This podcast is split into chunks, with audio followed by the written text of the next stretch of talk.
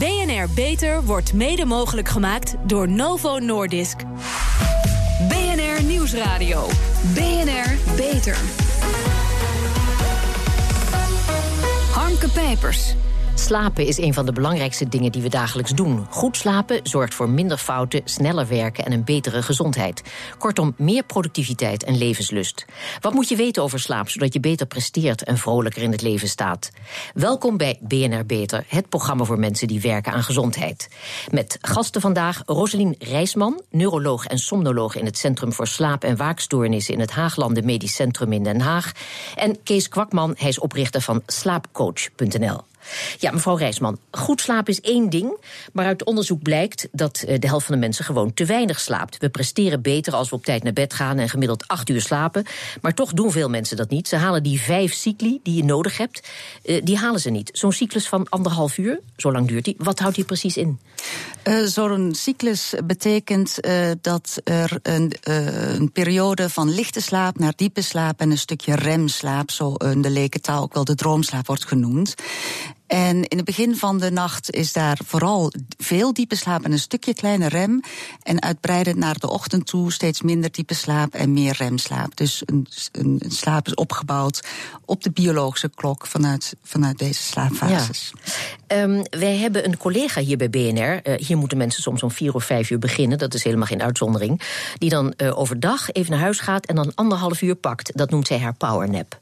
Ja, dat is een, formeel geen powernap inderdaad. Powernap is een korte slaap van 20 tot 30 minuten. Ja? Om zo om de concentratie te kunnen verhogen. Wat ze eigenlijk doet, is uh, ze pakt zo'n hele cyclus ja. met een uh, diepe slaap. Daar heeft ze veel baat bij. Nou, dat kan ik me voorstellen. Dus het is een superpowernap, begrijp ik. Ja, ja. Zoiets. Zoiets. Ja. Goed, nou, we zitten meteen in de terminologie en de misverstanden en de feiten. Laten we eens wat checken. Mensen die nachtdiensten doen of heel vroeg in de ochtend moeten werken, hoe komen zij hun diensten het beste door? Hangt een beetje van af uh, uh, hoe je moet aanpassen, afhankelijk van je dienst, wanneer je moet werken en hoe je zit in je biologische klok. He, als je vroeger moet uh, gaan slapen dan je verwacht, op basis omdat je s'nachts moet gaan werken of meer vroeger naar bed toe moet, dan zou je een voorslaapje kunnen doen, inderdaad. Je kan ontwijken van fel licht in de momenten dat je wil gaan slapen. Fel licht onderdrukt onze melatonineproductie. Ja. En melatonine is een hormoon die het, de hersenen klaarzet om feitelijk klaar te staan om goed te kunnen gaan slapen. Ja. En is het aantal cycli dat je doormaakt doorslaggevend? En maakt het niet uit of je nou voor 11 uur in slaap valt of pas na 12 uur, als je die cycli maar haalt?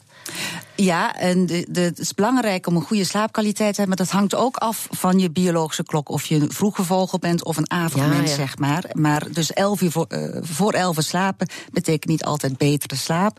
Je moet goed naar je biologische klok kijken en ook genoeg slaap maken. Ja, zeg en uitslapen op zondag of in een korte vakantie opeens, uh, uh, zo eens in de twee maanden, even heel erg doorhalen. Helpt dat om een eventueel slaaptekort in te halen?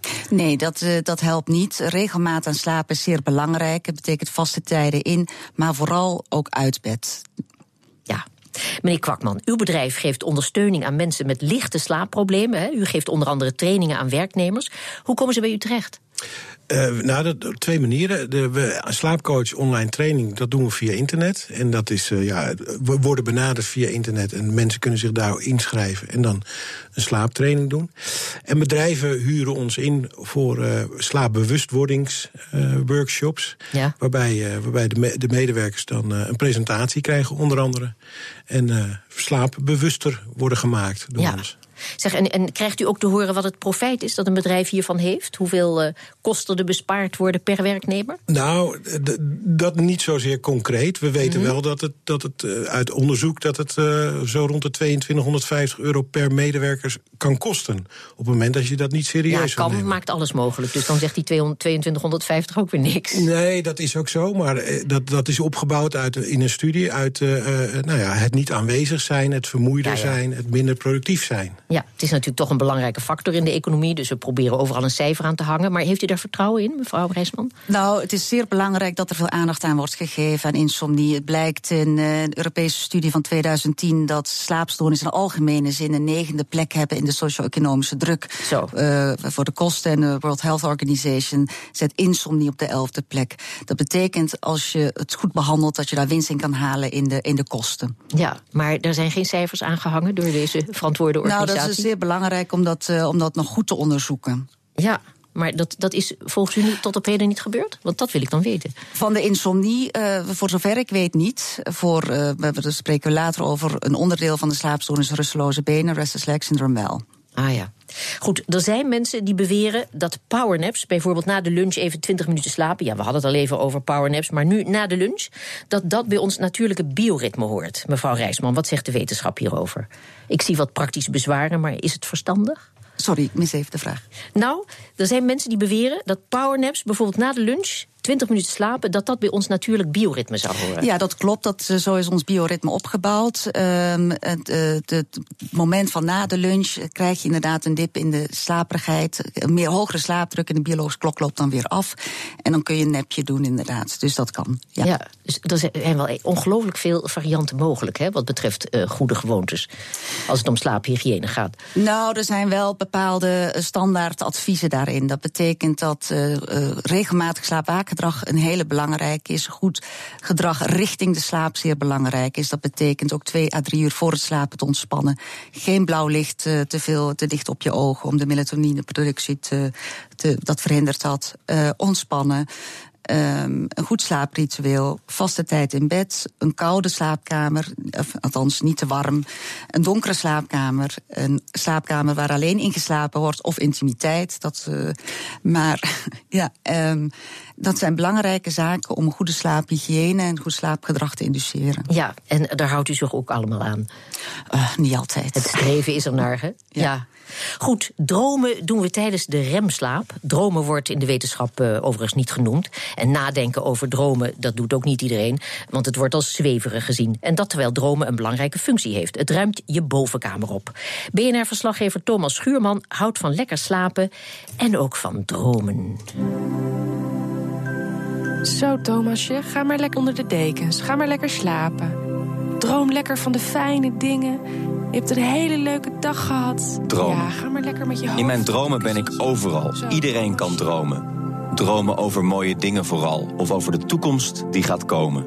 Ja, er zijn veel meer mensen die erbij stilstaan dan je zo 1, 2, 3 weet. Maar er wordt uh, niet zo uh, onderling over gesproken. Barbara Koning, psychologe die mensen helpt met een droomwereld.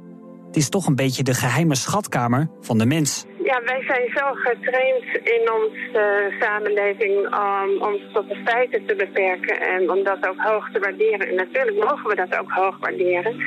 Met dromen weten we niet zoveel te beginnen. Het is een raar verhaal, het is een beetje bizar. En het vraagt ook wel training om zo naar een droomverhaal te luisteren... dat opeens die rijkdom van die droom voor iemand tot leven kan gaan komen. Je moet ook een beetje naar een andere mindset toe gaan met elkaar. Ga maar lekker in je bedje liggen. Ga maar schaapjes stellen. Ga je lekker dromen.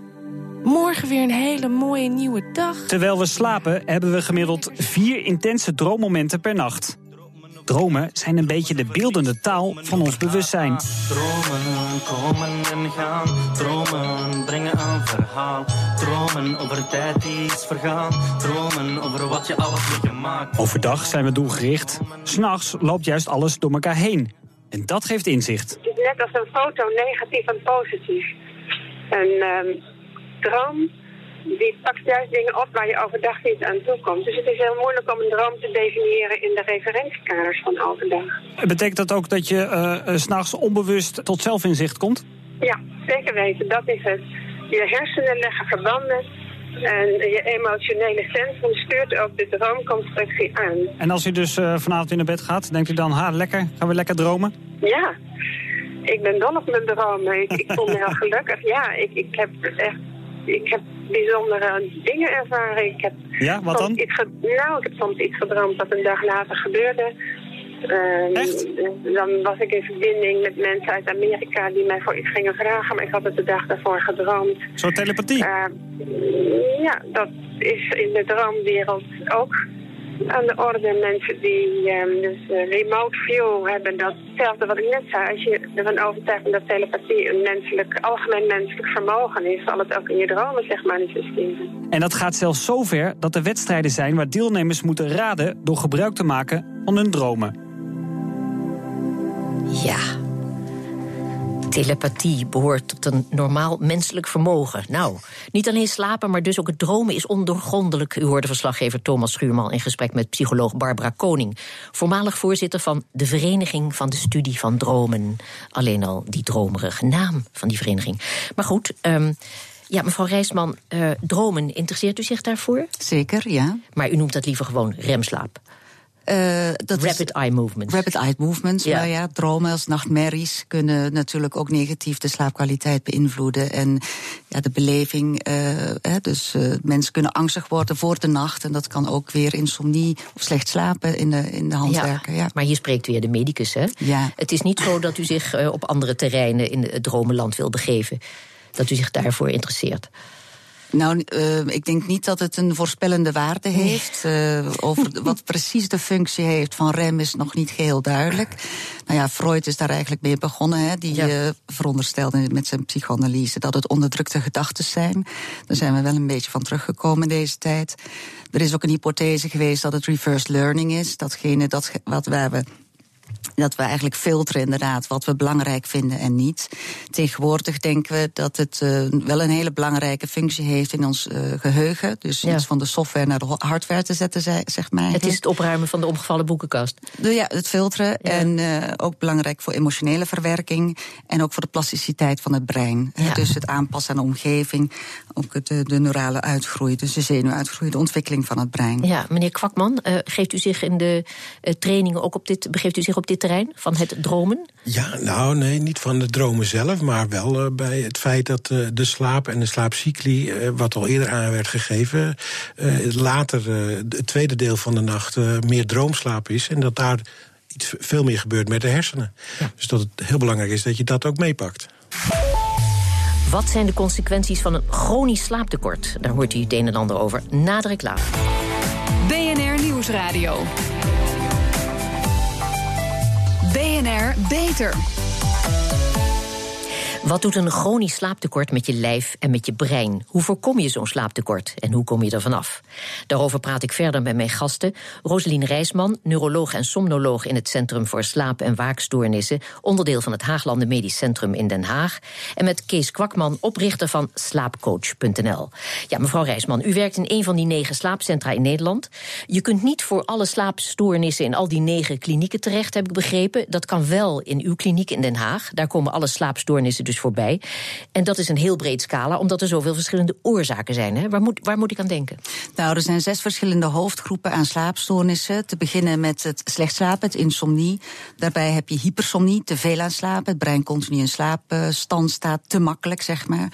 Daarnaast heb je uh, ademhalingsgerelateerde slaapstoornissen, zoals het uh, ja, ademstops die in de nacht uh, optreden. Dan heb je bewegingsgerelateerde slaapstoornissen. Dat betekent dat er allerlei bewegingen zijn, zoals het rusteloze benen syndroom. Dan heb je circadiane ritmiekstoornissen. Dat betekent dat de biologische klok eigenlijk ofwel te laat dan wat te vroeg, ofwel geen ritme heeft, of ploegendiensten uh, gerelateerde slaapstoornissen. Ja. En dan heb je ook nog, um, de laatste is, uh, wat heb ik gehad? Insomnie, hypersomnie. Uh, ja, ja, dat is het eigenlijk. Oké, okay, ja. ja. Maar goed, er zijn dus heel veel verschillende oorzaken, dat is duidelijk. En dat is ook parasomnie was ik vergeten, excuus. Oké, ja, en parasomnie, dat, dat is zijn bijvoorbeeld slaapwandelen en uh, dat ja, ja, soort... Okay. Uh, ja. Ja, zeg, en, maar, maar, die verschillende oorzaken, dat is ook de reden dat uh, somnologen verschillende achtergronden hebben. Hè? U bent neuroloog. En gespecialiseerd in onder andere, u noemde het al, het restless legs syndrome, de, ja. de rusteloze benen. Ja. Um, veel mensen hebben er last van, weet ik inmiddels. Maar dat het een groot probleem is, wist ik tot voor kort niet, is ook niet algemeen bekend. Vertel, hoe ernstig is het? Nou ja, het, het, het, het komt dus 5 tot 10 procent in de algemene bevolking voor, maar behandelbehoeftig is 2,7 procent. Hoe ernstig is het? Het is een aandoening waarbij je eigenlijk een, een onbedwingbare neiging hebt om te bewegen, wat opkomt in rust en beweging onderdrukte klachten met de circadiane ritmiekstoornis. Dus s'avonds en s'nachts is het erger. Dus op het moment van inslapen. Dus je komt moeilijker in slaap, je slaapt moeilijker door. En er is evident aangetoond dat er verhoogde voorkoming komt van depressie. Mm -hmm. En mensen functioneren daardoor minder overdag. He, dus Ja. aandacht, concentratieproblemen en dus ook meer ziekteverzuim. Ja, want het doet heel wat met je. Dat op het moment dat je wilt slapen, dat je het niet kunt. En dat je dus, eh, zoals dat dan in uw, uw term heet, een enorme slaapschuld opbouwt. Ja. ja, en daarnaast heb je dus een continu bewegingsdrang. Mensen kunnen niet stilzitten. Dus je bent moe, je Ja. hebt een slaaptekort.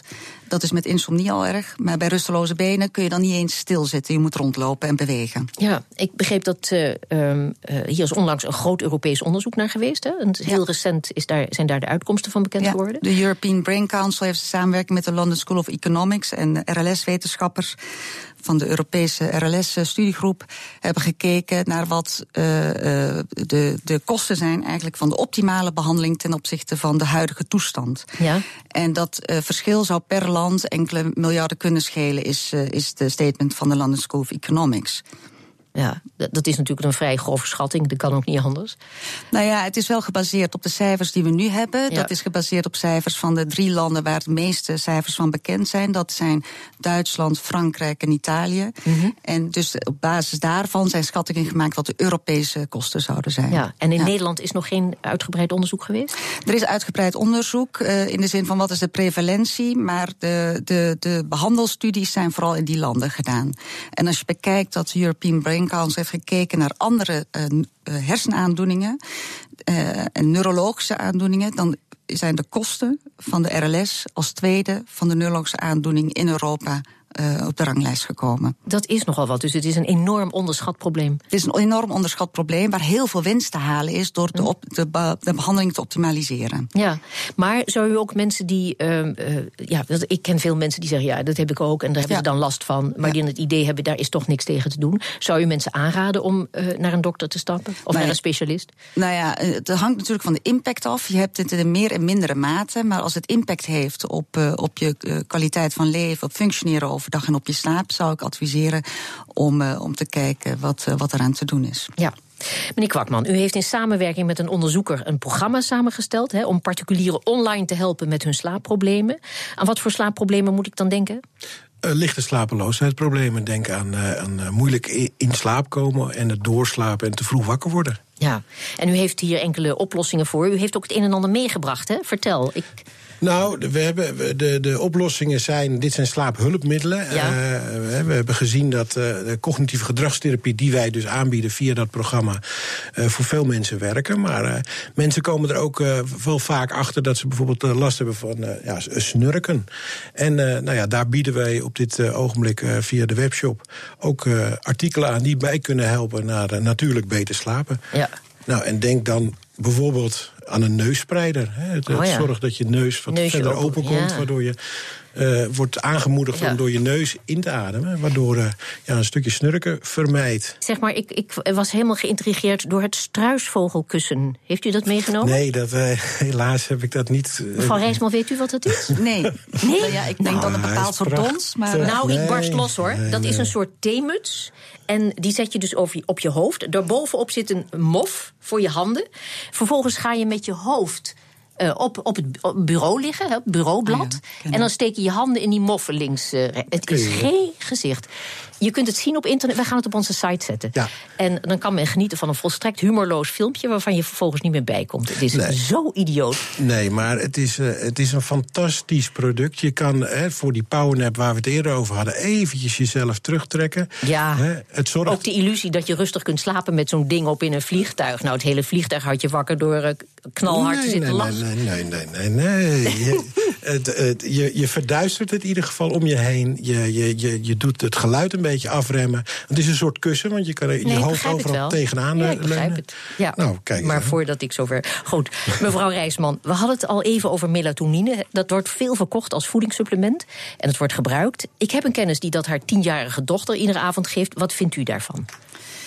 Nou ja, de, de, in Nederland, eh, de slaapspecialisten staan niet zo, open, niet zo positief ten opzichte van vrij te kopen melatonine, omdat ehm, we eigenlijk niet zo goed weten wat het eh, doet op het, eh, het ontwikkelend brein. Dus als je dat zelf aanschaft en misschien verkeerd gebruikt, dan, dan, dan weten we dat eigenlijk nog niet zo goed. En melatonine kan op twee wijzes gebruikt worden, als een licht inslapertje, maar ook als een beïnvloeder van de biologische klok. En eigenlijk wordt in de, in de slaapgeneeskunde dat vooral op die wijze gebruikt. Dus als je het op verkeerd tijdstip gebruikt, kan je je klok ook nog eens de verkeerde kant op, uh, op duwen. Ja, ik, ik las dat men uh, eigenlijk tegen is, hè, tegen het feit dat dit vrij verkrijgbaar ja. is. En dat heeft te maken met de te hoge dosering, maar dat kan niet gereguleerd worden, want het is een voedingssupplement en dus gewoon vrij, mag het vrij verkocht worden. Klopt. Ja. Dat is dus wel een probleempje. Ja, wij uh, vanuit, vanuit de slaapgemeenschap adviseren om dat eigenlijk op een voorschrift van een, van een arts met verstand dat te doen. Ja, ja, want is het ook zo dat door dat gebruik dat je afhankelijk wordt van kunstmatige melatonine? Je wordt er niet afhankelijk van, oh, van gelukkig. Dat ja, niet. Want dat nee. heb ik ook ergens gelezen, dus dat klopt niet. Dat is geruststellend. Goed. En wat doet u trouwens zelf als u niet kunt slapen? Uh, dan uh, ga, ga, ik alle verkeerde dingen doen. Zoals wat? Vertel, wat moeten we vooral niet doen? Uh, filmpjes kijken op, op mijn telefoon. Foei. Ja, ja. En, maar dan wel met een, met een beetje andere kleur licht? Ook zelfs niet. Dus al dat soort dingen die wij adviseren, doe ik ook niet. Dus het is echt gedra goed gedrag is moeilijk. Dus het is een uitdaging, vooral als je al slecht slaapt. Ja, meneer Kwakman, u heeft een tip. U heeft een bril bij u met nou, gekleurd ja, glas. Met, met gele glazen. En die, oh, kan, ja. die kan stukje blauwe, het blauwe lichtspectrum ja. uit, uh, uit ja. het licht een beetje filteren. Wat een beetje kan bijdragen tot. Uh, uh, dat is ook dat, heel handig op je computer. Hè? Dat ja, weten inmiddels ook veel mensen wel. Want ja, Rustig, rustiger beeld krijg je dan. S'avonds een beetje gewoon sloom er naartoe werken. Als je inderdaad zoiets. Ja, goed. Tot slot nog één hartstikke belangrijke tip die, waar ik niet naar gevraagd heb. Mevrouw Reisman? Nou, um, ik denk wat, wat ontzettend belangrijk is in de algemene bevolking... is dat we insomnie, slecht slapen, zien ook als een risicofactor voor allerlei zaken. He, het is een verhoogd risico voor hart- vaatziekten. Tekort slapen geeft een hoog risico op het ontwikkelen van diabetes. Het heeft een verhoogd risico op depressie. Dus ik vind eigenlijk dat uh, als we het zien als risicofactor... dat we kinderen ook moeten opvoeden om dat, die kennis uh, uh, deelgenoot te laten maken. En dat betekent, we zeggen ook niet roken, geen alcohol... Um, niet te slecht eten, maar goed slaapgedrag hoort daarbij. Ik denk dat dat een heel belangrijk uh, iets is om, uh, om dat mee te krijgen in je opvoeding. Oké, okay. hartelijk dank Roselien Rijsman en Kees Kwakman. En voor straks lekker slapen en gezond weer op. Pioniers in de zorg. Onze zorgredactie speurt naar interessante medische innovaties binnen en buiten de muren van de universiteit. Waar werken ze aan en wat moeten wij hierover weten? Ja, redacteur Ivan Verrips, crèmes en coatings op implantaten die antibiotica-resistentie tegengaan. Wat is dat? Vertel. En welk ja. probleem hebben we bij de kop? Nou ja, kijk, onderzoekers uit het AMC hebben samen met het LUMC coatings en crèmes ontwikkeld die huidinfecties en infecties bij implantatie, implantaten kunnen voorkomen. En die infecties zijn een groot probleem. We weten niet exact hoe groot, maar er worden in de zorg natuurlijk allerlei kunstgewrichten en andere biomaterialen, zoals katheters en kunsthartkleppen, de pacemaker, gebruikt. Um, en feit is dat de grootste oorzaak van het falen van die implantaten, als dat gebeurt, dat zijn de infecties. Dus als je die kan voorkomen, is dat natuurlijk top. Um, maar ja, je kan tegen een infectie een antibiotica-kuurtje krijgen, tenzij je lichaam daarvoor resistent raakt. Dat is een steeds groter wordend probleem, zorgt voor veel extra kosten, ook natuurlijk veel leed voor patiënten. Dus is er iets nieuws bedacht, um, zodat je die infectie kunt voorkomen. En dat zijn die coatings. Ja. Ze zijn nu uitgetest op titanium kunstgewrichten. Dat werkt zo goed dat de ontwikkelaars, de onderzoekers het nu willen gaan uittesten om huidinfecties te voorkomen bij brandwondpatiënten. Dus het werkt niet alleen op die implantaten, maar ook op de huid. Ja, hoe werkt die coating dan precies? Ja, uh, een beetje technisch, maar die coatings en crèmes bevatten bepaalde eiwitten. Die heten peptiden. En die eiwitten doden allerlei bacteriën. Ook bacteriën die uh, ja, tegenwoordig eigenlijk slecht te behandelen zijn met antibiotica. En die eiwitten die komen alleen in actie als de slechte bacteriën er daadwerkelijk zijn. Dus het is niet zo dat die coating continu een onnodig medicijn afgeeft. Dat is één. Aan de andere kant uh, voorkomt die coating dat er een slijmlaag op het implantaat komt. Zo'n slijmlaag zorgt ervoor dat de bacteriën minder gevoelig zijn voor medicijnen, zodat ze daar zich daar niet in kunnen nestelen. Um, en we spraken er even over met Martijn Riool, onderzoeker van het AMC. Het idee is dat je vooraf, zeg maar, aan fabriek al een coating hebt aangebracht waarin de peptiden zitten. En dat kan door middel van een spraycoating of een andere techniek. We kijken dus enerzijds naar het ontwikkelen van nieuwe antimicrobiële middelen en anderzijds naar infecties rondom biomaterialen. En die komen in mijn proefschrift dus heel erg bij elkaar. Ja, hot topic dus. Er gaan vele miljoenen in om. De studie is nu nog experimenteel, dus nog niet op mensen getest. Maar de resultaten zijn dermate veelbelovend dat de crèmes binnenkort worden getest in klinische studies. Dankjewel, Ivan Verrips. En tot zover deze uitzending van BNR Beter. Op bnr.nl slash beter en als podcast via iTunes of Spotify is deze uitzending terug te luisteren. En heeft u tips of opmerkingen over de zorg? Wij zitten op Twitter op BNR Lifestyle of mail naar onze redactie via kelly.nijhof.bnr.nl. Ik ben Harmke Pijpers. Tot een volgend spreekuur. BNR Beter wordt mede mogelijk gemaakt door Novo Nordisk.